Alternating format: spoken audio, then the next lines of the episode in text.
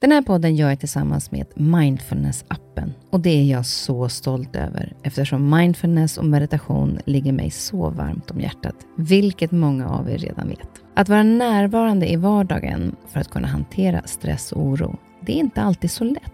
Då kan man ha mindfulness-appen nära till hands för att hjälpa dig när du behöver. För mig kan det vara så till exempel när det gäller sömnen, att vissa dagar då har jag riktigt svårt att komma till ro. Framför allt när det är mycket med jobbet. Då brukar jag använda mindfulness-appen och avsluta dagen med en avslappningsövning för att sänka stressnivån. Det gör det så mycket lättare för mig att somna sen. Oavsett om du kämpar med sömnlöshet, stress eller bara behöver en stund för dig själv så har Mindfulness-appen verktygen för att hjälpa dig att slappna av och sova bättre. Appen är utformad för att passa in i din livsstil med korta övningar som passar även de hektiska schemana. Som lyssnare till Nyfiken på så får ni 40% rabatt på prenumerationen av Mindfulness-appen. Länk till erbjudandet ja, det hittar ni i poddens Instagram, kaspersen nyfikenpa. Eller så går ni in på themindfulnessapp.com kristin. Välkommen till min podd Nyfiken på. Här får jag chansen att möta människor som jag är nyfiken på utifrån deras historia, kunskap eller erfarenheter. Människor som jag inspireras av och förhoppningsvis kan vi med det inspirera er.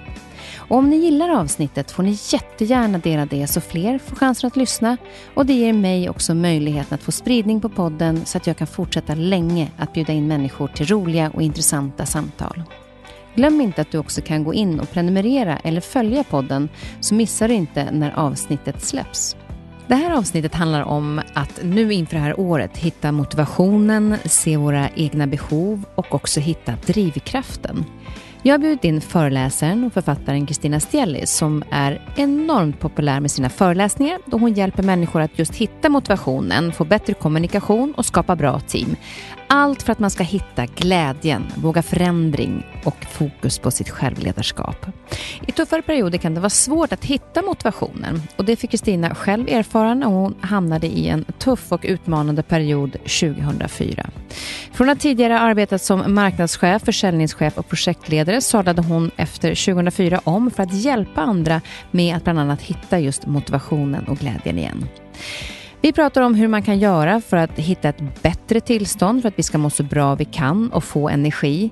Inte bara själva känslan utan också hur vår sinnesstämning även påverkar oss fysiskt, faktiskt ända in på cellnivå. Det är så spännande.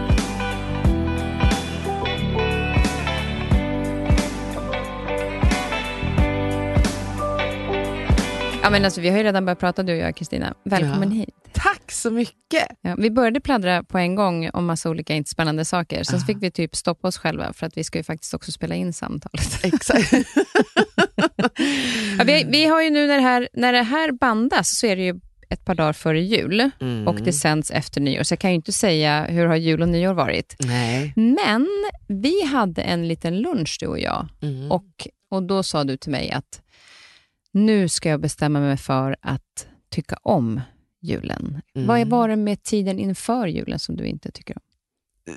Alltså, nej, det var, alltså, jag tror så här, precis som du sa då när vi åt lunch, att julen är så full utav eh, Eh, du sa någonting om att alla sinnen är vidöppna och man känner dofter och det är väldigt starka dofter och väldigt, eh, alltså musiken är väldigt distinkt. Det går liksom inte att säga, är det här en julsång eller inte? Utan det, man vet det liksom.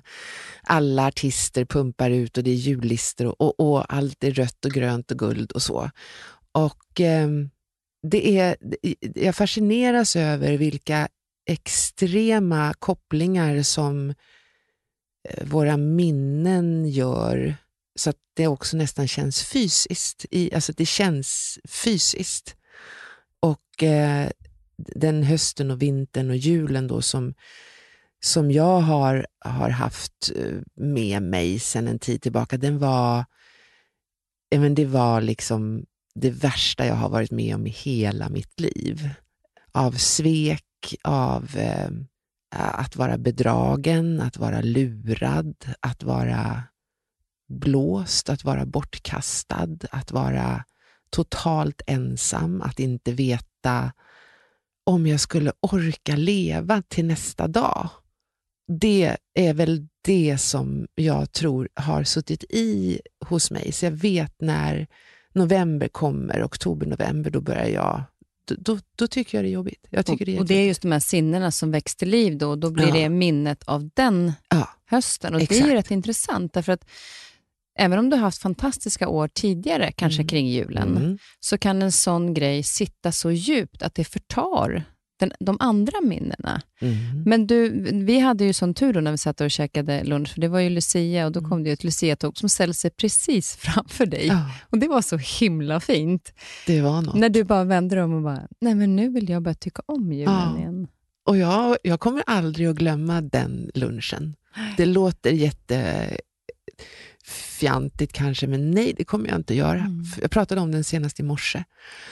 För att det blev så tydligt, och med det samtalet som du och jag hade haft, att nej men okej, nu får jag ju faktiskt välja. Nu får jag ju välja. Alltså ska jag sitta här, åh det är så jobbigt med julen. Och då kan jag ju, jag kan ju göda de här minnena och de känslorna som var väldigt mycket ångest och jag hade ju alltid lugnande tabletter med mig och, och du vet sådär för att jag skulle andas och så. Antingen så väljer jag att vara kvar där eller också bestämmer nej men, hör, nej men nu bestämmer vi oss för att nu lägger vi det här åt liksom handlingarna. Nu, från och med idag så tycker jag om julen. Så att, och jag har julpyntat. Ja, men alltså, ja! Bara det. Vad Jag glad jag blir. Ja, mina, eh, mina barn undrar, vad är, vem är du mamma? Vad har du gjort med våran mamma? Någon, vad har hon tagit vägen? Men det är ju det som är så härligt, att, att man tillåter då eh, nya minnen få ta den platsen istället. Absolut, men det går ju inte förrän... Och det är där jag kan uppleva mycket eh, när vi pratar och man möter människor. I, i, i- både du och jag möter ju väldigt många människor, att det är många som man säger att ja, men sån här är jag och det här hände och, och det är... Men man kan faktiskt väldigt ofta bestämma sig för. Sen ska man naturligtvis vara i sorg och man ska få vara frustrerad och arg och ledsen och besviken och, och så och stanna i de känslorna. Men det är viktigt att veta vad det gör med mig om jag stannar där för länge. Och för min del så kände jag mig rätt så trött på att vara den här som tyckte julen, jaha, alla andra tycker det är kul. Nej, men det gör inte jag. Fast i år tänker jag, ja, det gör jag Ja. med. Ja, men det, och Jag tror att det är nästan just det här att man kommer till att alltså jag är så trött på att känna så här. Exakt. Då har, man nästan, då har man ju kommit väldigt långt tror jag, i bearbetningen, inbillar jag mig i alla fall. Ja, Att jag liksom blir trött på mig själv. Ja. Men alltså, jag orkar inte tänka så här längre. nej, precis. Nu får vi hitta en. Och Det är därför jag tyckte det är så fint också att börja det här året som 2022 med att med, och vi ska prata motivation och glädje och vad det gör med kroppen och så vidare. Men jag tänkte bara så man förstår lite grann varför du, eh, för du föreläser ju väldigt mycket och har skrivit böcker och sådär och just om det här med motivation. Mm. Men, men innan så jobbade du som marknadschef bland annat och försäljningschef och sen var du med om då den här skilsmässan Mm. var det 2014, Mm. så det är ett tag sedan. Var det självklart för dig att börja jobba med det här eller vad var det som gjorde att du bestämde dig för att byta bana lite grann? Alltså egentligen så berodde det på att jag började efter att ha varit i, i eh, alltså, det tog ett tag innan jag hittade balansen. Eh, och det här var inte 2014 utan 2004, så det är jättelänge alltså. sedan. Det Ja. jättelänge sedan. Och när jag hade hittat den balansen så började jag jobba med mig själv.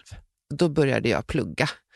Alltså, jag var superhungrig. Jag, jag ville förstå, okej, om livet ska då kanske bete sig och vara taskigt emot mig ibland, då måste jag ju se till att vara beredd på det.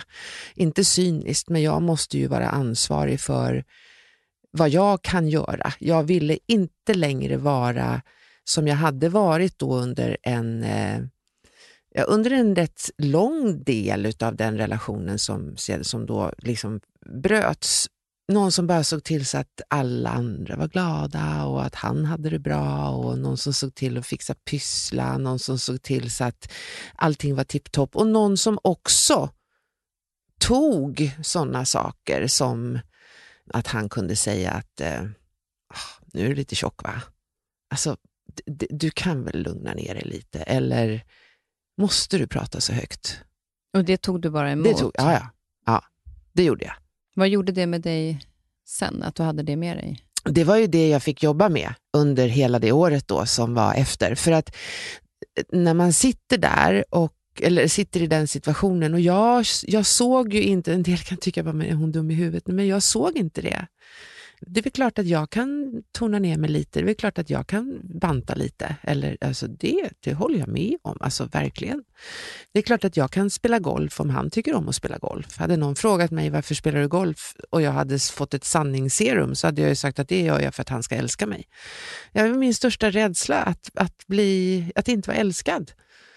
Um, och när han försvann, vilket var jättebra att han gjorde, Ja, när man tittar på det i efterhand så är ja, det ju... men alltså, det var ju destruktivt på så många sätt. Det var bara det sättet han gjorde det på som blev tokigt. Men då satt jag, vet jag, för jag fick ju öppen psyk.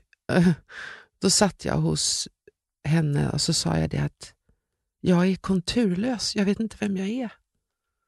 Jag vet inte vem jag är, jag, har, jag ser inte vem jag vem är jag, vad har jag för värderingar, vad har jag för åsikter, vad, vad tycker jag är roligt? Jag Hade du förlorat ju... din sanning och att Allt, hans sanningar ja, blev dina? Ja, mm. jag kunde liksom gå in i, i garderoben, och, och, eller jag gick in i garderoben bara, eller till öppnade min garderob jag tycker inte ens det här är fint. Eller? Nej, det här tycker inte jag om. Alltså jag ställde ut golfklubborna på parkeringsplatsen. Alltså jag, jag tycker inte om... Alltså det blev som att, och det är fortfarande så Kristin, att jag ibland kan liksom, jaha, jag tycker om det här. Det är spännande.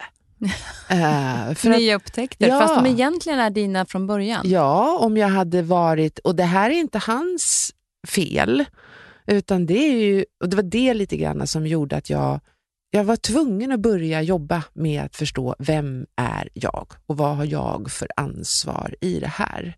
Vad har jag för styrkor och vad har jag för brister och svagheter? Vad är det? Så det ville jag förstå. Eh, och Då började jag plugga. Jag pluggade extremt mycket. Eh, alla möjliga sådana här NLP och ACT och jag läste böcker och jag eh, otroligt mycket. Och sen när jag då hade fått ihop det här så bara, nej men herregud.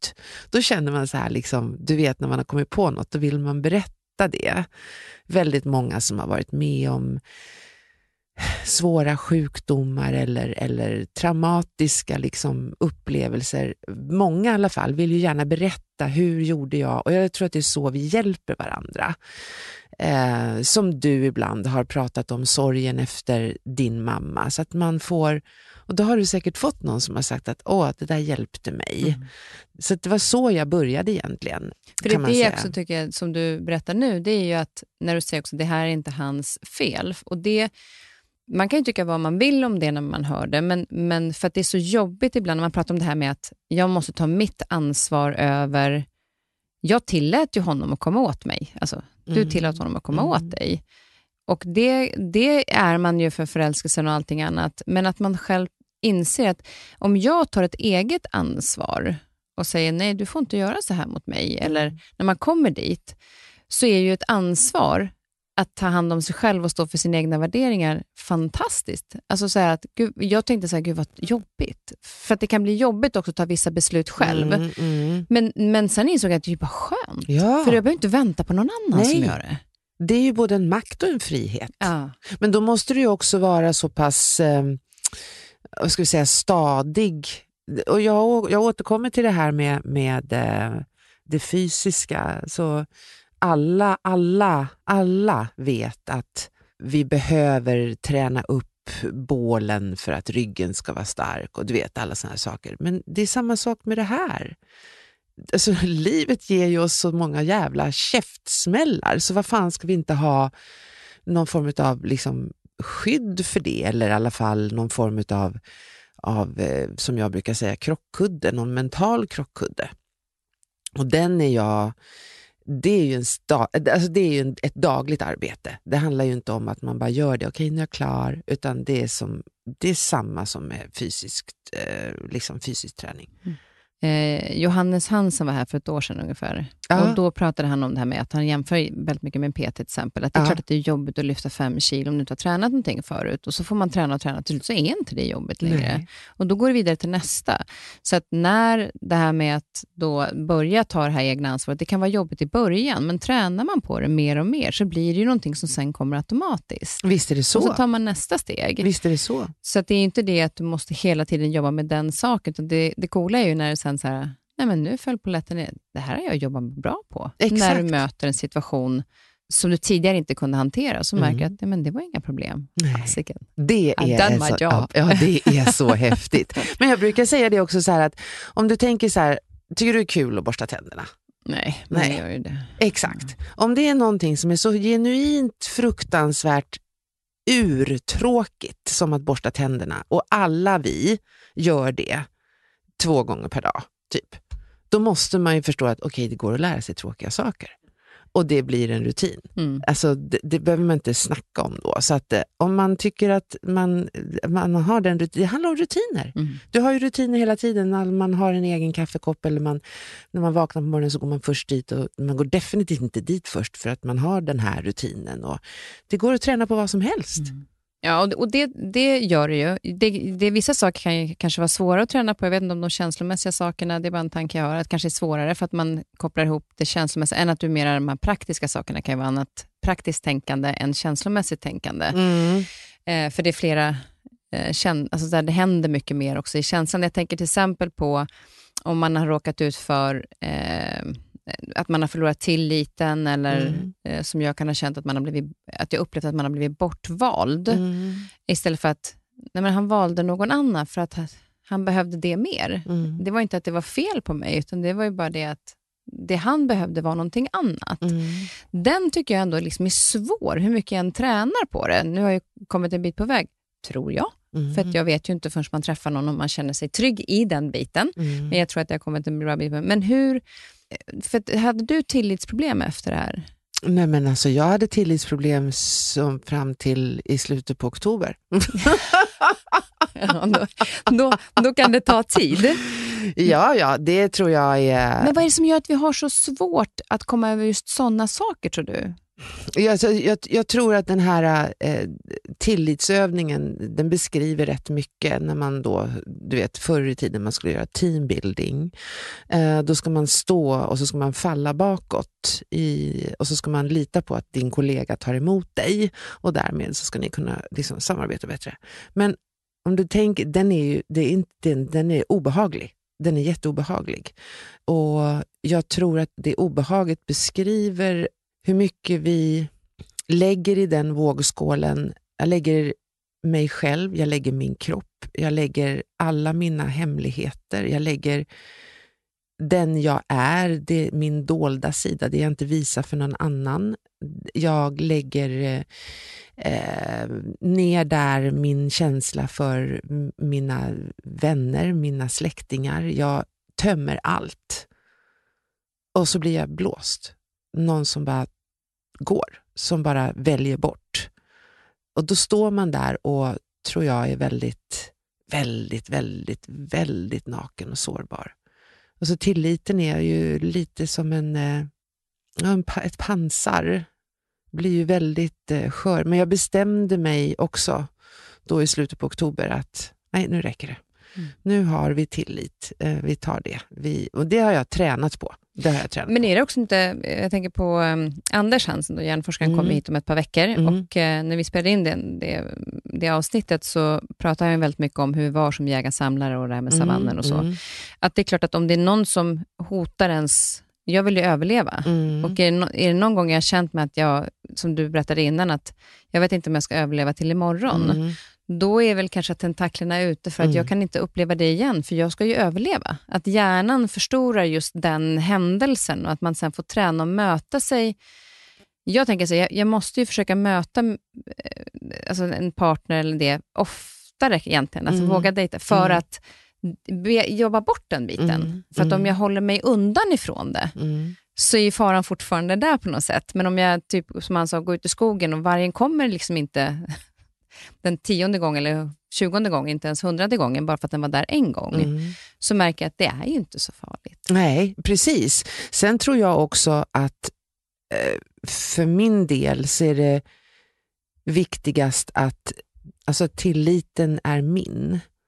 Att eh, jag inte eh, lägger den på någon annan. Så att om jag blir sviken idag så är det inte kopplat till att jag känner mig blåst eller dum eller lämnad. Om jag blir sviken idag så är det kopplat till eh, mer kliniska faktorer då som att, eh, ja okej, då får det vara så. Eh, jag la ut ett, ett, en grej på Instagram faktiskt eh, idag då när vi sitter här och spelar in och då står det just det att de som, eller jag tyckte det var så fint för att jag gör ju alltid en revidering utav året som har gått. Det gör jag, nu är det snart dags då i mellandagarna. Och så gör jag en plan för mina ambitioner för nästa år. Och eh, då är just ett, ett avsnitt det är vänner och relationer. Och ja, jag har ett par eh, vänner som inte har visat sig vara så intresserade av att vara vara en del av mitt liv. Du vet så här, nej jag kan inte och jag kanske ringer, sen nej jag har inte tid att prata eller och ändå det här, vi måste ses, du vet så. Och då har jag känt så här att eh, det, då är inte jag, förr så hade jag sagt, bara tänkt att jag är, jag är en usel, jättetråkig vän. Idag har jag liksom, det är en annan planet för mig. Idag är det fin människa, verkligen. Men hon har säkert helt andra intressen nu och tiden har gått och vad har hänt under pandemin? Alla är ju jättekonstiga ändå. Sådär. Så att jag känner att tilliten för mig är mer säkrad och grundad och förankrad i min egen trygghet. Ja, och där tänker du när du säger det, att det kan ju också vara så att varför tilliten rubbas om jag råkar ut för en sån situation är ju för att jag inte hade tilliten. Jag förlorade min egen tillit Exakt. mot mig själv. Precis. Så att min tillitsproblematik har inte legat hos någon annan. Den har ju legat hos mig. Exakt. Just när man försvinner i det här med att hur ser jag ut, vad tycker jag om? Mm. Alltså jag har ju tappat allting, så att jag kan inte ha, känna tillit till mig själv ens en gång. Och det är ju den som man behöver komma tillbaka Mm. till. Att det ligger inte, men man, det är väldigt lätt att lägga skulden på någon annan. Ja, visst är det så. För att slippa ta tag i det själv. Ja. Så tilliten är ju snarare, men den har jag till mig själv, så nu lär det inte vara något problem. Nej, eller hur? Jag menar, och det, det är lite grann när man får testköra det ibland. Ja. Och, och som jag gör nu då när jag skriver ner alltså här att ja, alltså, nu tar vi ett, ett namn bara, det, det är inte det namnet, Ulla. Nej, men Ulla, ja, Ulla hon har ju eh, skaffat sig en partner och det, då har hon säkert jättemycket att göra med den partnern. Så att jag kanske liksom fasas ur. Och Ulla har ju förlorat sin pappa och så har de köpt hund. Det är klart att livet förändras. Och Det handlar ju inte om att jag på något sätt är bortvald, utan det handlar om att eh, jag... Alltså, ja, nej, nu passar det inte. Nu ska vi möblera om. Ja, och sen är det så att ja, men sen om några år, då Mm. kanske man är på samma plats igen. Ja. För vi är på olika platser Ja. eh, i olika perioder i livet. Och Det betyder inte att man inte väljer varandra, det är bara att just nu väljer jag någonting annat som tar väldigt mycket tid. Precis. Men, men, och där skulle, jag vet inte man, det viktigaste är att man är tydlig med sig själv i det. Ja. Eh, och Det handlar om att du väljer den tanken som du faktiskt mår bättre utav. Mm. Och Det gör att du kan hantera den situationen med Ulla. Mm. Det, är ju, det, det är ju ditt egna val. Och Det är Mm. där jag menar ansvaret kommer in i att jag kan ju faktiskt ansvara väldigt mycket för hur jag själv vill må genom att välja en tanke som faktiskt jag mår bättre utav. När jag ändå inte vet sanningen. Precis. Och då är det bara det att där är du bättre eller sämre på det om du är bättre eller sämre tränad i det. Mm. För att vi har ju en förkärlek till det negativa. Det negativa har ett högre värde för våra hjärnor som är jätteknäppa. Så att där är det ju lätt lättare att dras till det negativa. Det negativa är alltid mer spännande. Och ju mer vi tränar oss i en eh, vad ska vi säga, attityd eller ett beteende, desto bättre blir vi på det. Mm. Så det är klart att du kan träna dig till att bli en sur jävel. Jag brukar säga det att jag har ett program, så blir du bitter på 30 dagar. Mm. Eh, det går ju att träna till vad som helst, Ja, exakt. men jag är väl, väljer. det är väl också det att negativa tankar är ju för att vi ska kunna överleva. Ja, ja, det är Alltså precis den därför. tiden. Ja. Och det är ju det, Anna Tibelius Liljus Bodin som har varit här också pratat om Ja. hjärnan, hon berättar ju att eh, kroppen påverkas ju, nervsystemet påverkas ju fem gånger så mycket av Mm. de negativa tankarna än de Mm. positiva, eller positiva, de bättre tankarna. Mm. Så det är klart att vi får jobba hårdare med de bättre tankarna för att Exakt. mota bort de här fem gånger så mycket, hur det har påverkat mig. Precis. Så att vi får vara lite envisa i det. Och också kan man säga, just det, den påverkar mig fem gånger så mycket. Och vetskapen om det kanske Mm. kan göra det lättare att jobba in de bättre tankarna. För att det är inte för att du självmant alltid väljer det, utan det är för så som kroppen fungerar. Precis, åh vad bra. Så det, det där ska vi upprepa. Det där får klipparen köra i repeat. För det är precis så, exakt så. Och det kan vara så, eller det är så viktigt att att förstå att det, man säger ju att barn behöver ha, jag kommer inte ihåg nu, barn behöver ha åtta bra saker om man har sagt en dålig sak. Ja, och skulle det vara annorlunda för vuxna då eller? Va? Det är ju jättekonstigt. Det blir ju bara säkert värre när vi blir vuxna. Vi behöver ha 17 eh, bra saker om vi får höra en dålig sak. Jag har en jul som var vidrig och den sitter kvar. Eh, jag skulle kunna gå tillbaka och beskriva, jag vet vad jag hade på mig. Jag vet precis, alltså nu när jag tänker på det, jag vet var granen stod, vet alltså allt, allt. Sen skulle jag nödvändigtvis inte kunna repetera vad jag gjorde de senaste tio jularna. När jag inte hade något särskilt trauma eh, utan mådde rätt bra. Och det tror jag som ligger i det här som du sa att eftersom vi har en, en extrem överlevnadsinstinkt så är det väldigt viktigt att komma ihåg hur var det när det kändes som att du skulle dö. För den situationen vill vi inte hamna i igen, så det är bra om du kommer ihåg den. Det är inte särskilt hjälpsamt om du kommer ihåg alla positiva, glada, härliga stunder när du har nedförsbacke och är nykär, för det har, vi inte liksom, det har inte vi något större behov av här uppe i hjärnan, för vi ska se till så du överlever. Vi kommer ihåg det traumatiska, det riktigt mörka. Mm. Och det tycker jag, det, därför menar jag att jag låter ju aldrig hjärnan fatta egna beslut, utan Nej, man, måste får, man får ta det några varv i alla Ja, fall. Eh. Varför, varför tänker jag så här nu och varför reagerar jag som jag gör? Mm. Är det för att hjärnan styr det här eller är det för att jag faktiskt känner att jag vill eller Vilket- inte vill? Ja, precis.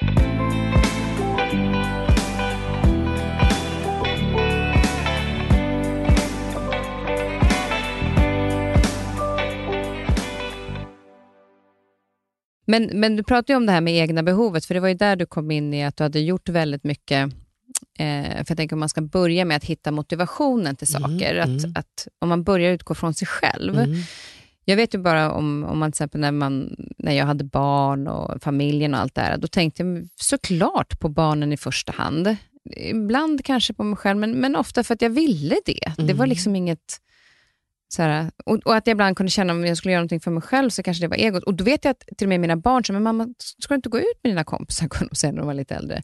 Jag bara, nej, men jag tycker det är mysigt att vara hemma. Och det tyckte jag. Men ibland kanske jag borde göra lite mer för mig själv. Mm. Eh, hur ska vi hitta tillbaka till att se våra egna behov som faktiskt i längden blir bra för de andra och ännu bättre för de andra? Mm. Hur ska vi tänka för att komma tillbaka? Så, okay, nu måste jag börja tänka mer på mig själv. Den klassiska mm, flygplansgrejen. Mm. Hjälp dig själv först innan du hjälper andra. Mm. När man har tappat det. Mm. Jag vill ju hävda att eh, utifrån allt det som jag har, har liksom tagit till mig och, och eh, allt det jag har pluggat och, och, och så, att motivationen är ju direkt kopplad till dina drivkrafter. Vad har du för drivkraft? Och det kan man tänka, ah, jag drivs av typ hälsa. Ja, nej, vi måste göra den läxan väldigt, väldigt, väldigt noga. För drivkraften är den kraften som driver dig framåt. Det är det som är ditt svar på varför gör jag det här? Varför sitter jag här? Jag vet att det är kopplat till min drivkraft. Jag har tre drivkrafter eh, som jag har liksom etablerat i de som har gällt under 2021. Det är 2021 nu va? Mm. Eh, 2022. Mm. 2022 är det nu när det när vi, ja. ja. Gud, jag är så årsvill. Ja, men det- 2020 var borta. Eh, så att jag vet ju att jag sitter här av rätt anledning. En drivkraft som är kopplad till anledningen till att, alltså så att, att jag gör det här. Det, och hittar du inte din motivation där, då är det drivkraften som behöver skruvas på. Så det är där man ska börja. Det För måste kan ju, börja där. Det kan vara jättesvårt också när man tappar motivation och drivkraft. För det kunde jag känna helt ärligt en period, att när barnen började bli stora, jag hade liksom inget fast jobb. Så jag hade liksom inte så här, vi jobbar åt det här projektet. Eller, då var det så här, jaha, men vad, Vad ska jag hitta? Och det var inte skitlätt att hitta den drivkraften. Nej. Jag brukar säga så här, att, eller man, man brukar säga så här att drivkraften finns någonstans i det du ska göra imorgon om du inte får göra det du gör idag. Om du får välja fritt. Imorgon har du inte det här jobbet. De vet inte vem du är och vad du heter och, och alla dina uppdrag är borta. Eh, men du måste ha ett annat jobb. Och du får välja vilket jobb du vill i hela världen. Du får inte lägga dig på soffan. Du får välja vilket jobb du vill i hela världen.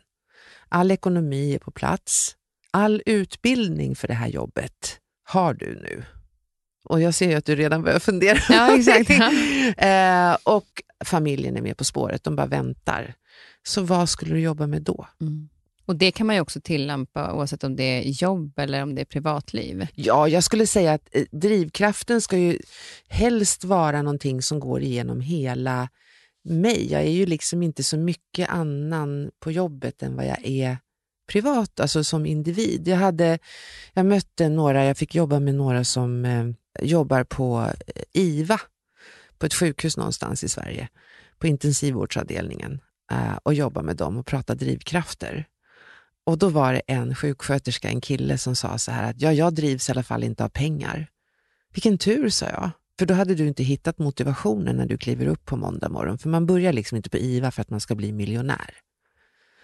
Uh, han drivs av helt andra saker och där hittar han sin motivation.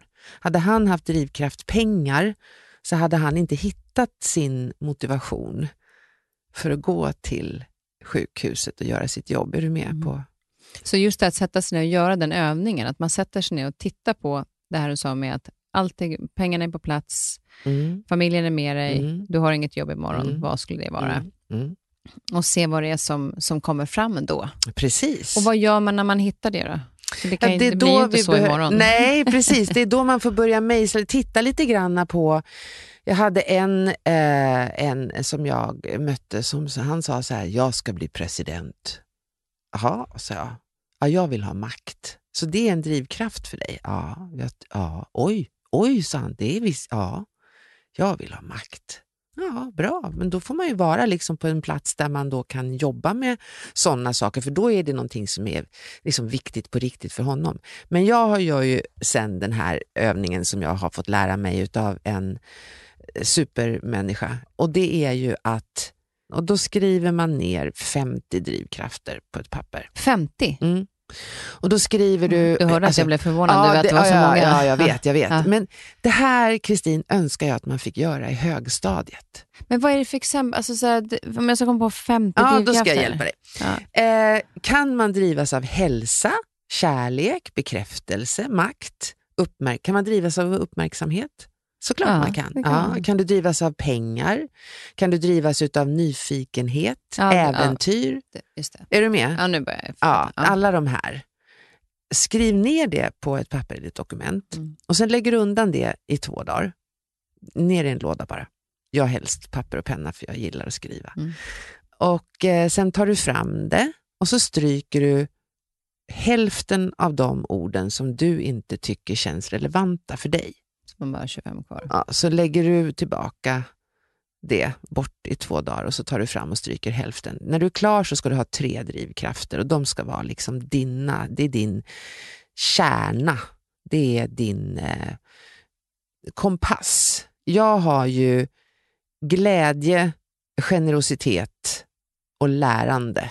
Det är mina drivkrafter de har jag ju kört i en tvättmaskin och torktumlat och, och liksom verkligen testkört. Men jag vet att där hittar jag alltid min motivation. Alltid. Vilka, alltså, det låter som en behaglig känsla att ha de tre med sig. Ja, det var Jag fick ju lov att testköra det när jag förlorade alla mina jobb under pandemin, eller då i mars 2020. Jag jobbar ju med det jag gör för att jag vill att det låter jätte... Men jag vill att folk ska bli glada. Jag vill, att folk ska, jag, vill, jag vill vara någon som kan bidra till det. Jag tycker om att göra andra människor glada. Så min drivkraft glädje, den är ju, där hämtade jag ju motivation efter att ha varit ledsen och arg och förtvivlad i tre dagar. Men, men där kunde jag ju hitta motivationen, jag behöver inte stå på en scen för att jobba med glädje. Jag kan skriva en artikel, jag kan prata i en podd, jag kan... Eh, eh, alltså förstår du? Mm. Sen vet ju jag att det finns i, eh, eh, i, i vissa branscher då, jag menar alltså, artister som hade drivkraft, bekräftelse och applåder. Och när det tystnade då i mars 2020 så var det rätt så var det några stycken som jag hade kontakt med som sa att jag vet inte varför jag gör det här.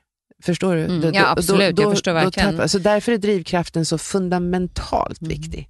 Där har man också de här sex mänskliga behoven. Ja. Att man, som Magnus Helgesson som också varit här Mm. eh, i ett avsnitt och pratat om eh, att vi har olika mänskliga behov. Och då, just när vi pratar om artister, att jag, jag tror att mamma hade ju ett extremt starkt behov av att ge. Ja. Det var ju hennes drivkraft väldigt mycket, tror jag. Det här, det var jag bara, det här är inte mammas ord, utan det är mina, vill jag säga.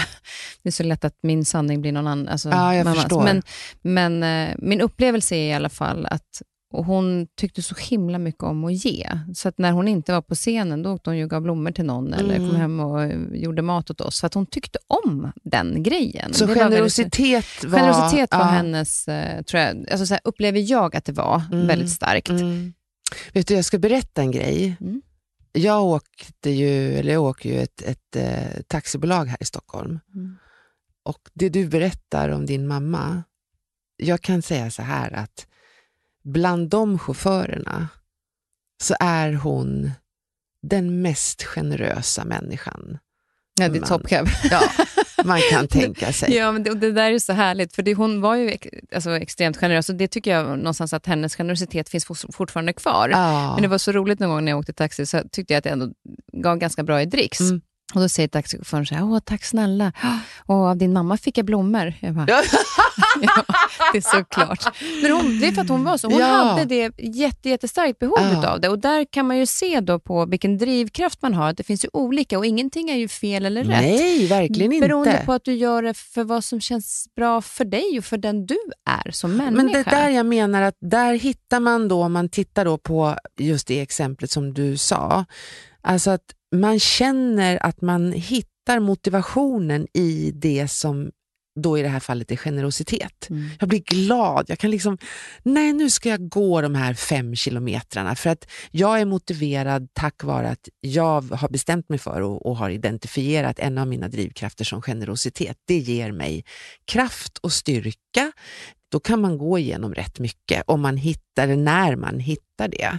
Jag tror att min eh, om man, skulle, man kan nästan så gissa lite grann vad folks liksom, drivkrafter är. Ja, jag tror att min eh, syster som jag vet lyssnar på det här, att hennes, driv, gud vad spännande, hennes drivkraft är omsorg, omtanke och kärlek, typ sånt. Liksom, Men där är- kommer vi tillbaka till att det är väldigt mycket som handlar om vad vi gör för andra. Ja, men omsorg om sig själv. Ja, för och den tror jag är väldigt viktigt att man kommer ihåg. Att, Mm. att också så här, generositeten är ju att, att också jag är generös mot mig själv Mm, idag, vilket mm. jag kanske inte var förut. Och Det har ju inte minskat att jag min generositet gentemot mina barn, Nej. som jag var när, när de såklart var yngre, för att då är ju barnen nummer ett. Men jag har ökat generositeten mot mig själv, vilket gör att min generositet till barnen idag blir på ett helt annat sätt, för den blir så rotad på något sätt. Ja, den, men tror inte att det också kommer där lite grann utav att du gör det av rätt anledning? Alltså, för, inte bara för att jag är mamma och jag ska göra det, utan för att jag Exakt, verkligen vill göra det. Exakt, precis. Mm, och det är exakt. din drivkraft där. Mm. Eh, där. Där är det väl, kan man väl se lite grann att gå tillbaka till relationen som vi pratade om. att Där hade någon frågat mig, vad har du för drivkraft? Min drivkraft är att se till så att alla andra är glada. Alla ska vara glada och det spelar ingen roll hur mycket du behöver göra. Där hittade jag, jag hittar ju motivationen där. Äh, inga problem. Och den drivkraften kan man ju ha om man har en balans. Men den kommer ju äta upp dig inifrån om du inte också sätter dig själv först där. Ja, för det är det jag tror också kan bli väldigt lätt, för att du får, du får ju också en kick när du hjälper andra, Ja. för att du ser glädjen i dem. Då kan det ju också bli så att, tror jag nämnde det för dig när vi käkade lunch, att jag, när jag gjorde Biggest Loser, så var det väldigt många av dem som var där som pratade om att de tyckte om att göra saker för andra, de ställt upp för familjen och de har gjort det och det. Men att då slapp de också ta hand om sitt eget. eh, sin egen problematik, för den var för jobbig att gå in i. Alltså delvis vill de såklart hjälpa till, det ska jag inte ta ifrån dem, absolut. Men, för att de var väldigt kärleksfulla människor allihopa. Men den, det, det lilla extra i det var ju att de behövde det tillbaka. Och då fanns det ju inte hos dem själva. Nej, precis. Så att, att tänka på andra kan ju vara väldigt bra, för man får en kick av det. Men så länge det inte är för att jag ska må bättre. precis. Utan, utan det är absolut en fin grej att få tillbaka och känna sig lite gladare. Men det viktigaste är att du själv mår bra i dig själv. Så att det inte är anledningen till att jag gör allting an- för någon annan är för att jag ska må bra. Så det viktigaste är väl någonstans, eh, rätta mig om jag fel, att man också tar tag i det och gör det jobbet. För då kommer det bli ännu härligare att göra saker för Ja, andra. det där är precis, jag håller helt med. Och det, jag sitter och tänker på det, så tänk, vad, tänk om man fick veta alltså, att ditt, det här livet som du ska in i nu, det är så jävla svårt, bara så att du vet. Då hade man sagt att ja, tack, nej, men jag tror jag hoppar det. Eh, för det är så mycket eh, som är komplicerat. Men det är också så mycket som blir så enkelt när du äger insikten om dina egna brister och dina styrkor och dina tillkortakommanden och vet att allting landar hos dig själv. Är du, det här är, är, du arg på någon, titta på dig själv. Eh, känner du att du behöver bekräftelse från andra för att tycka att du duger, gå tillbaka till dig själv. Det, alltså, och det, vi, vi har ju alltid oss själva. Det är lite grann som den frågan som du ställde för en stund sedan, när, varför gör du det du gör? Jag vill ju liksom förklara, det behöver inte vara så komplicerat. Och, Gör det ofta mer komplicerat än vad det är, tror du? Ja, det tycker jag. Absolut. Absolut. Vi gör det extremt komplicerat bara genom att säga att "Ja, men om bara jag hade fått högre lön, då hade jag kunnat vara nöjd. Eller om jag hade fått, eh, om bara jag hade fått bli bjuden på det där kalaset, men nu fick jag ju inte det. Om bara de inte hade varit såna jävla rövhattar så hade jag ju kunnat vara lycklig. Och, och vi kommer aldrig kunna ändra på andra, så då går man liksom och ja, jag tycker att det är Ibland kan jag bara känna att gud, jag har så bråttom, det är så mycket jag vill göra innan jag inte får vara kvar här. Eh, för jag tycker det känns som att jag har levt mera de senaste tio åren än vad jag gjorde de tidigare 40. Men det är väl också det som jag kan tycka är ja, men det är väl en, att saker och ting händer gör ju att vi lär oss på vägen. Alltså det är klart Ja. att, och då blir det ju innehållsrikt Ja, eh, om vi gör någonting med det. ja. Om, eh, där, precis. Stanna. Exakt, precis. Om vi gör någonting med det. Precis så. För det är där vi kan ju välja. Jag kan ju välja. Ska jag göra någonting med det här? Ska jag göra någonting med insikten här i att jag blir så fruktansvärt arg på ett mejl som jag får? Eh, Precis innan jag kommer in här till dig. Ska, den, den ska jag definitivt göra någonting med. Och vad ska jag göra? Ja, jag ska ju inte ringa och skälla ut honom. Eh, för det var, ja, det var en han. Eh, utan, förlåt, det kunde ha varit en hon. Ja. eh, det ska jag inte göra, utan jag ska titta på vad var det hos mig som jag kände blev hotat här nu. Varför blev jag arg egentligen? Hörru, vi reder ut det först. Ska Jag brukar se. säga så här, man marinerar det lite. Man marinerar lite, Alltså, det, älskar får ligga, det. det får ligga kvar lite så, här, så får jag fundera på, så Ja. inte svara i affekt, utan Nej. bara så här, nej, nu tar vi till oss det här och så landar vi i det. Så landar vi i det och så kommer vi sannolikt fram till att jaha, hoppsan, du var någon som, det var något som du kunde påverka faktiskt, Ja. utan att blanda in. Och Jag tycker att det är så roligt när man kommer på de där sakerna, då kan jag till och med börja skratta åt mig Jag själv. med, att jag är så här, ja! hur kunde jag bli så arg för det där? Och Det kan ju handla om att jag har vaknat, försovit mig och irriterad på mig själv. Och så läser jag ett sms eller ett mail med min, mitt humör. Mm. Och så är det då utan emojis eller någonting. Men Mm. vad fan, är den här jäveln sur eller? Ja, exakt. Alltså, det blir ju en, en väldigt svår...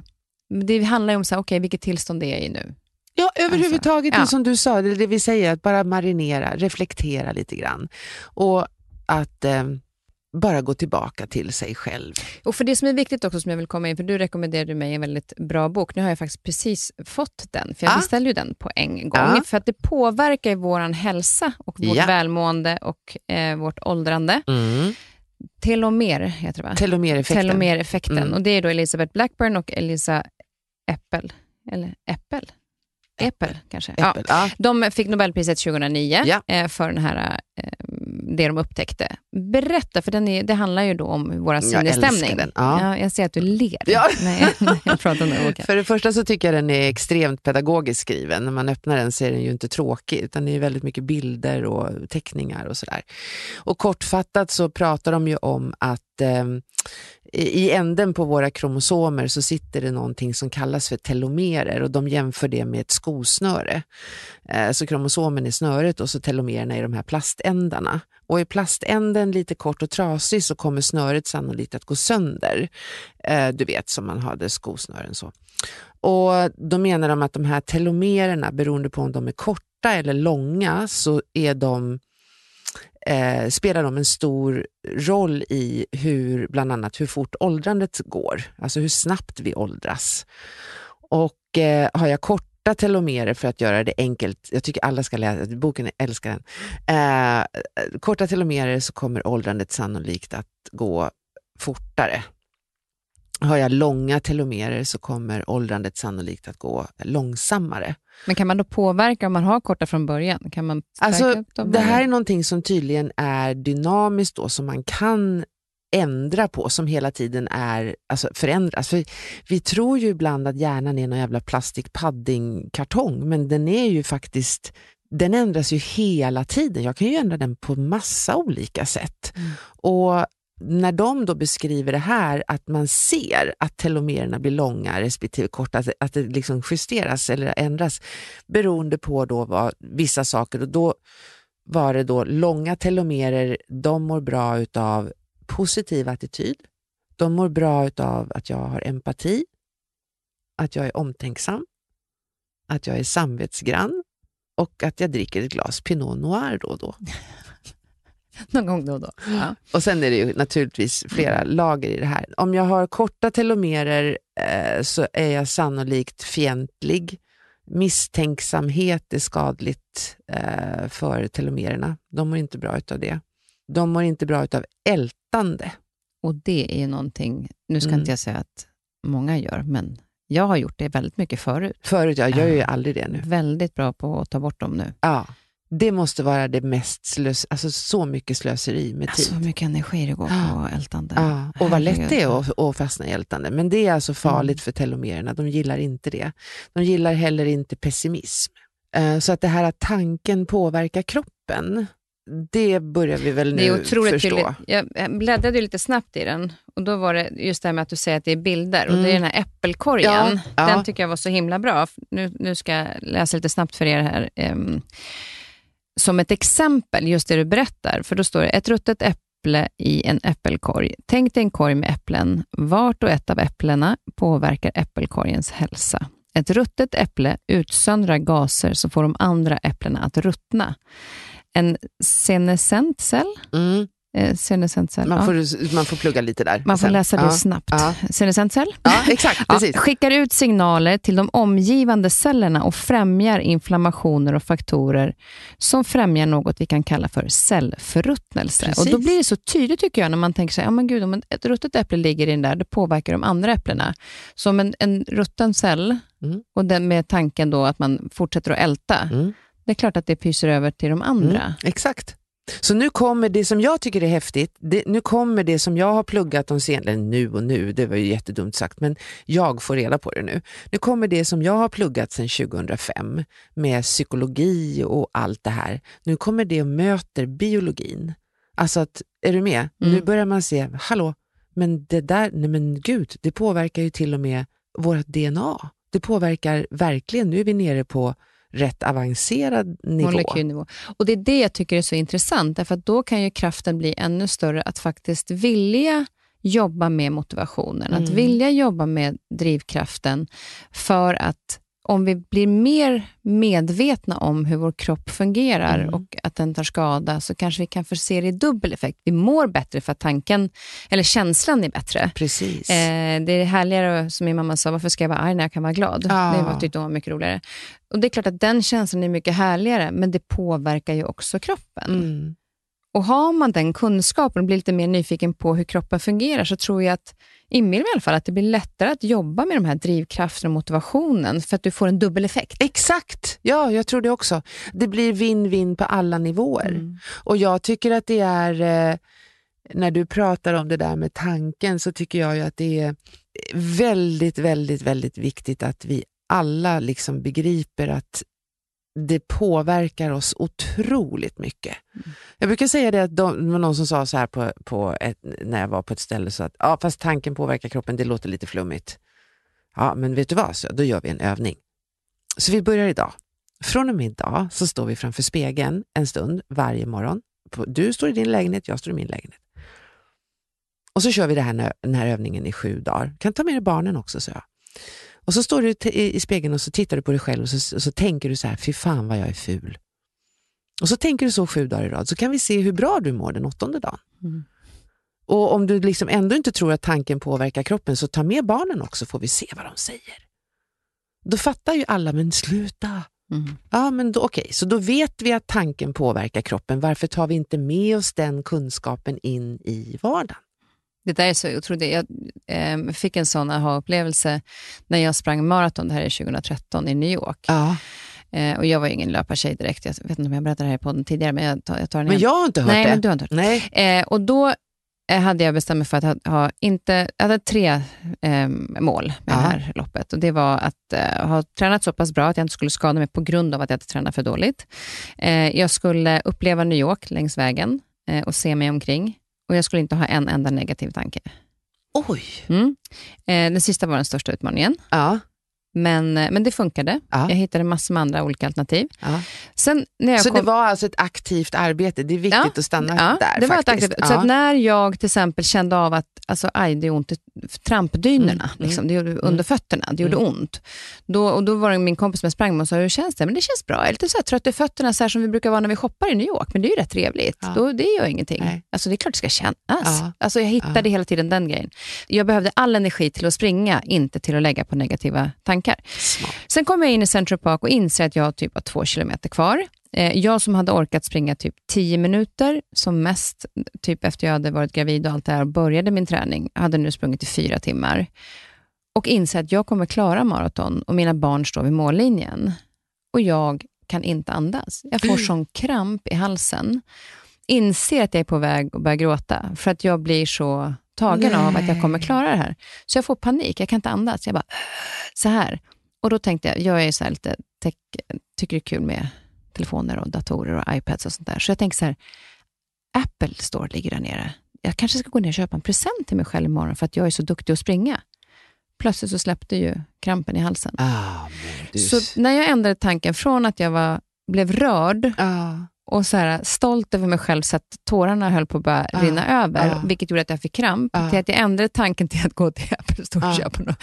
Så släppte krampen. ah. Och det blev för mig så otroligt tydligt att oj vad tanken påverkar kroppen. Wow. Men det var otroligt häftigt. Sen, sen grät jag över mållinjen när jag såg Jag barnen. tappar nästan, jag slutade andas under din berättelse. Ja, men jag Nej, men- förstår verkligen. För att det blev så påtagligt. Ja, att, ja. Och det är där vi bör tänka på att så, och på så snabb Alltså, det gick så snabbt Ja. till att krampen släppte, bara jag ändrade. Och den är också viktig att komma ihåg. Så man inte säger, men jag har varit så negativ i så många år. Ja, men så fort du börjar ändra din tanke till någonting bättre, Mm. Så kommer det ske en förändring i kroppen på en gång. Ja, det, det, och det är viktigt att veta att alla, eller ja, veta och veta, men att alla, man förstår att alla har någonting som är bra. Ja. Ja, att, och att välja en positiv tanke handlar inte om att du förnekar att någonting är negativt. Det handlar om att inte vara kvar i den tanken. Mm. Så att det där är ju A och O. Jag gör ju så här att jag Eh, bestämmer mig varje morgon vad jag ska älta för någonting under dagen som är positivt. Alltså jag har den där livlinan så. För jag är ju samma normalstörda människor, människa som alla andra, liksom, så att jag kommer in på det negativa.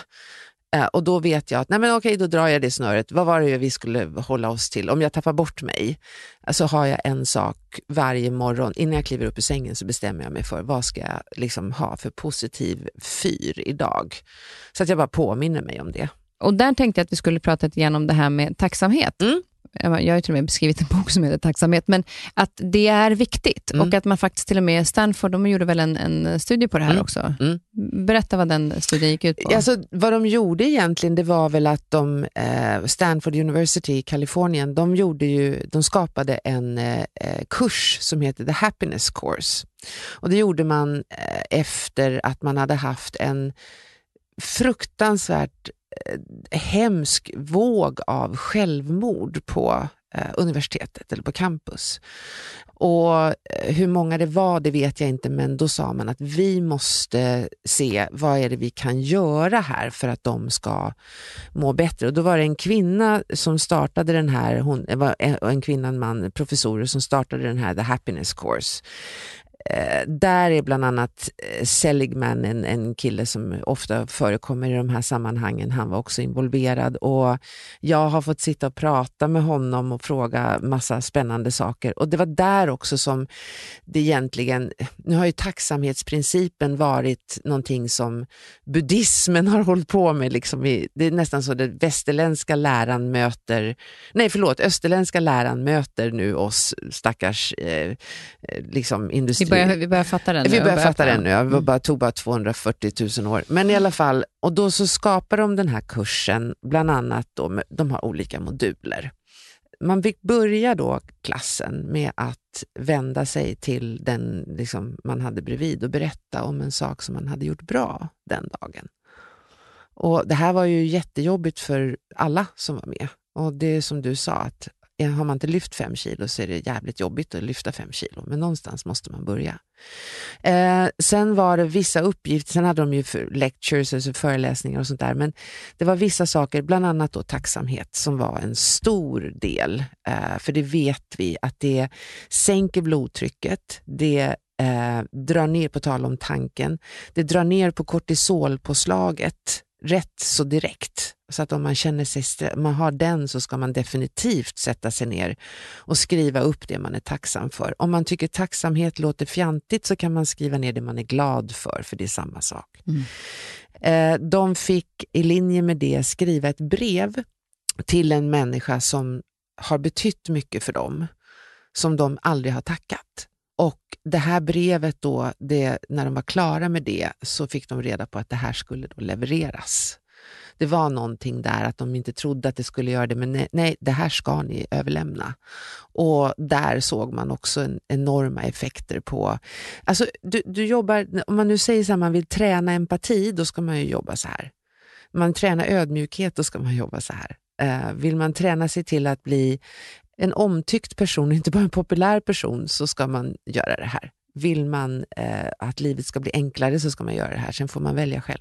Så att det här brevet var väldigt viktigt också. Sen hade de en modul till och det var, den har jag ju snott rakt av och jag gör ju varenda dag, varenda dag. Det är att hitta någon som har ett sånt här osynligt jobb. Som, vi inte osynligt. tänker, ja, som vi aldrig tänker på. Vi går förbi de som tömmer papperskorgar. Ja, Eller de alltså. som eh, sopar på gatan eller de som, ja du vet, Mm. det finns alltid. Eh, att säga tack, vad fint du gör. Mm. Eh, det fick de i uppgift då eh, under, det var en dag då så sa de, ni ska hitta någon på campus som har ett osynligt jobb och du ska gå fram till den personen och tala om för den personen att du uppskattar väldigt mycket det jobbet som han eller hon gör och tacka för det. Så häftigt ja. Mm. Och det här då, den här happiness course, den, forts- den pågår fortfarande. Den finns online numera också. Nej. Mm, Och den är alltid fulltecknad. Och eh, alla de här självmordstalen är ju bara ett minne blott. Nu har ju de säkert samma psykosociala problem som alla andra, men inte i den utsträckningen. Och den här är ju också någonting som växer på andra universitet, för man ser att vi måste lägga in det, vi måste förstå att den här maskinen som vi har, den ska ju smörjas också. Den ska ju liksom inte bara köra på fälgarna, eh, utan den måste ju få lite omsorg. Och om man kan jobba med tacksamhet så blir man också mycket snällare mot sig själv.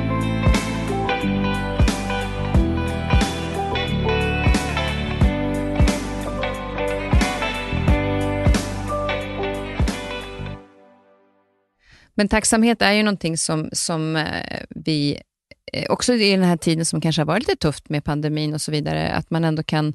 Jag har försökt faktiskt att tänka, så här, vad kan jag, jag kan inte påverka att pandemin har varit här och att den har påverkat oss på många olika sätt, på väldigt, väldigt jobbigt sätt, med all respekt för det. Mm.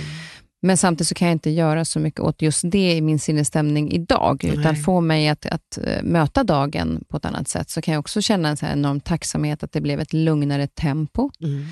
Att jag känner ett värde över vilka fantastiska vänner och Mm. familj jag har. Att vilka som är närvarande när man behöver dem, oavsett om det är på Facetime eller att de få som man har kunnat umgåtts med.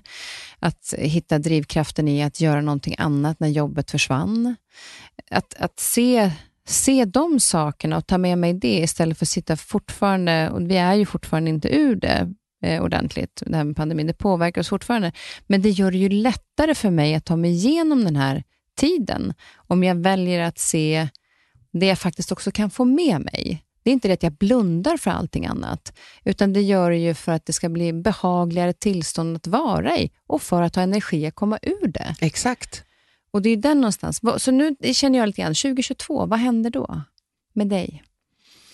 Vad har du för liksom, tankar in i 2022 som kan peppa andra om att så här, gör den här övningen eller gör, du gör en plan alltså för, för nästa Ja, år? jag har ju inte riktigt satt mig ner än, men jag har ju några områden. Jag går igenom, jag sätter aldrig mål. Mål är så jävla korkat. Alltså. Men gud vad roligt. Vad, vad, vad, vad, tänker, varför tänker du så? Nej, därför att mål, det är klart att man ska ha ett mål om man springer maraton. Absolut. Man ska ha ett mål om man har ett företag och man ska ha omsättning och du vet, spara pengar. Men du kan rimligen inte ha mål i livet för det finns andra faktorer som spelar in. Du Som kan exempel? inte styra, ja vadå om jag skulle säga att hälsa, ja, jag har som mål att vara frisk hela 2022. Ja, fast då kanske du plötsligt bryter armen eller, eller får en lunginflammation och då har du ju misslyckats. Då är ju målet inte nått. Men kan, man säger visioner då? Ambition. Ambition. Ambition min- tycker du? Så- Ja, för mig är det. Ja. Alltså, min ambition Mm. är att se till, och det här måste jag berätta en sak till för dig som Mm. jag aldrig har sagt. Ja. Vet du att du är, du är en, min syster är den största anledningen till att jag springer idag, men du är en anledning till att jag springer idag. Är det sant? Ja, det är du. Va? Vi får aldrig, jag tänkte säga det, vi får aldrig glömma bort att vi alltid inspirerar andra människor. Vad glad. För du höll på med det ett tag. Och jag fann en sån liksom eh, en, en sån lust i en sån lust var det i dina inlägg där du bara liksom skrev att du lufsade. Ja. Eh, Jag tycker och, inte om att springa fort. Nej, men Nej. alltså det gjorde, ja, det, men, ja, kan jag också göra. Så att du är Gud, vad härligt, vad glad jag blir. Tack. Så hälsa för mig nästa år, det är sannolikt att min ambition är att jag ska fortsätta springa som jag gör, för jag tycker väldigt mycket om det. Mm. Sen har jag som ambition när det kommer... Vi har så här, hälsa, jobb, eh, relationer.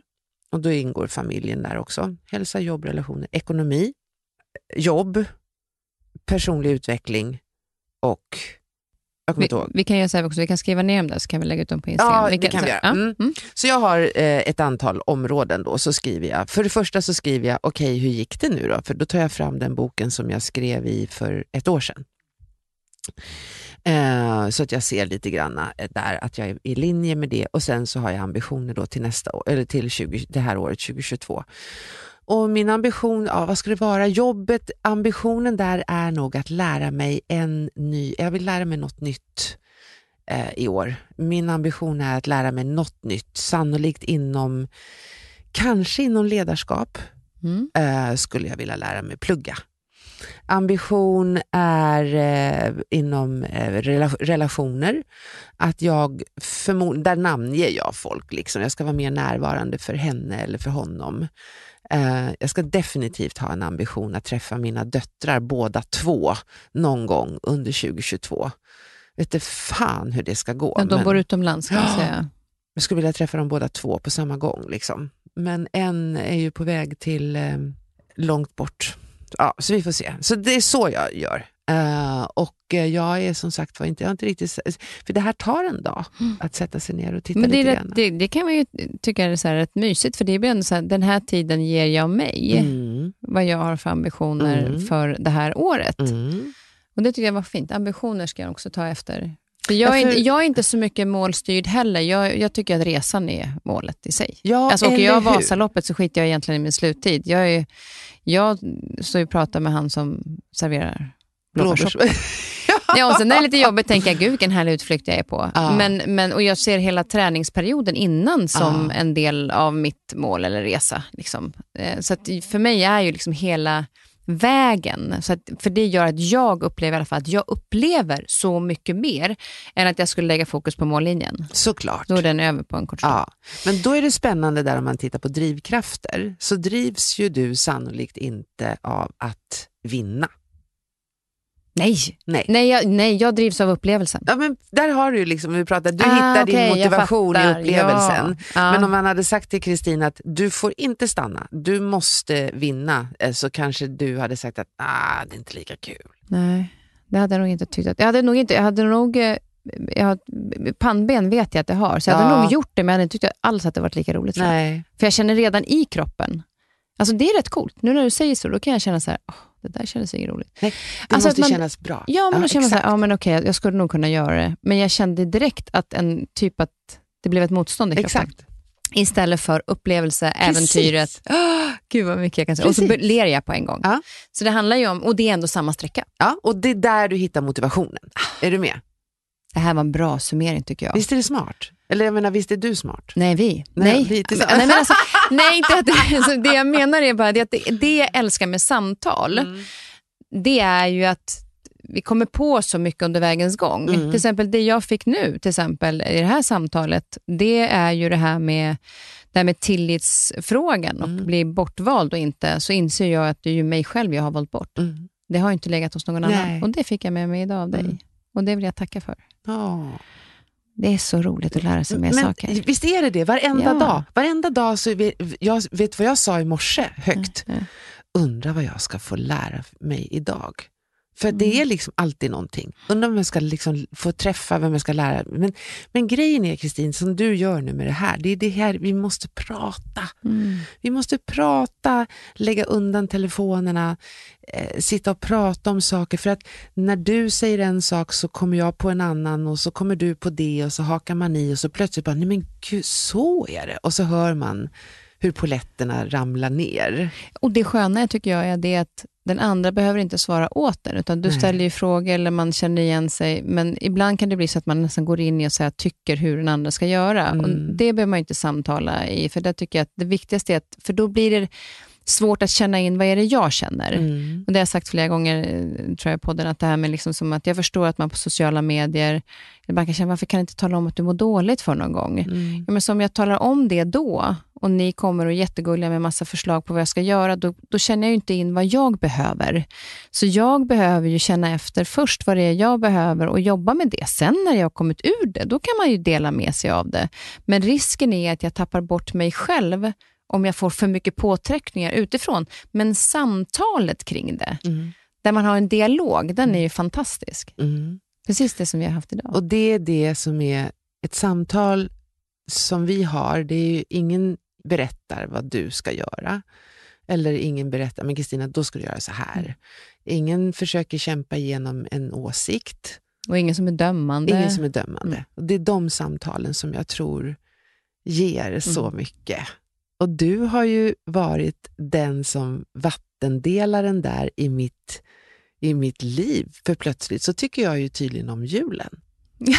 Ja, och det älskar jag ju Ja. att du har börjat göra. Ja, det är jag så för- glad alltså, för. Jo, men och också vara omedvetet. Så, så kan du få någon att hjälpa någon att Mm. hitta dit. Mm. För du valde ju det själv. Mm, ja, ja. Det var ju helt det ditt eget val. Ja, ja, men det Men hade det- inte gjorts om jag hade stått ute på gatan och inte hade haft dig och allt det här runt omkring. Nej, precis, men det är det som är så fint. Att, att omedvetet så kan man ju tänka på det själv. Att du med ditt sätt att vara eller tänka kan påverka någon annan Ja. så att de hittar ett sätt att välja själva. Mm, För du har själv valt nu mm. att tycka om det. Mm. Det är inte jag som sagt, kom igen nu för fasken. Nej, exakt! Och det är ju skillnaden. För jag kan säga, Det. Mm. jo men titta här, det här är fantastiskt. Jag prackar ju inte på, och det var ju helt, eh, det där Lucia-tåget glömmer vi inte. Nej, det glömmer och vi inte den lunchen. Nej, inte och inte det här lunchen. samtalet heller. Inte Oj, nu höll jag på att slå sönder mikrofonen. Du, vi ska behöva avrunda här. Ja. Eh, vi kan ju då som sagt prata väldigt länge. Ja, det är Eh, uppenbart. Ja, man hittar dig på Instagram, Kristina Stielli, och även på din hemsida kristinastielli.se, Ja. eh, där det står massor om dina föreläsningar. Och du föreläser ju väldigt, väldigt mycket och eh, olika teman kan man säga att du har också. Mm. Om du skulle vilja avsluta en, med en låt så här i början på året då, som det är när det här sänds. Åh, det här blir som en liten gåva. Mm. Eh, det är den låten som jag har eh, som min tillflykt. Jag vet ju att, när vi pratar om minnet och, och sådana saker, att det går ju att koppla minnet väldigt starkt till en låt eller till en doft. Och det, har jag, det, det bestämde jag mig för att jag skulle använda. Så att jag har en klippa, den ligger söder om Rom. Där är jag fri. Där är jag där är, där är jag hel. och på den klippan den vetter ut över en bukt och det är milsvid utsikt och eh, för att alltid kunna åka dit så gjorde jag så under en sommar när jag var där att varje dag när jag hade sprungit så satt jag mig där och så spelade jag den här låten. Så att när jag hör den låten så är jag där. Det är, Den heter Caruso och så är en man som heter Lucia Dalla som sjunger. då tar vi och lyssnar på den. Tack snälla för att du kom hit. Tack Och ha ett fint 2022. Detsamma.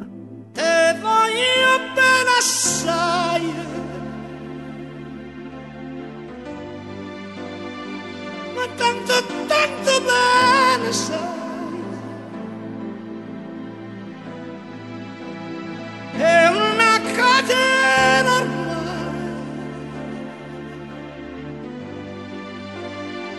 E scioglie il sangue. Hon räddade sina sex barn ur ett brinnande hus och fick 93 procent brännskador. Nästa veckas gäst är Emma Scholz som efter branden 2019 tagit sig tillbaka från att ha legat ner på marken efter att hon har räddat sina barn och tänkt “jag kan dö nu” till att hon idag åker skidor och pulkar med sina barn. Hennes resa är helt ofattbar. Missa inte nästa veckas starka berättelse men som också är fylld med kämpaglöd och att se möjligheter att vilja överleva.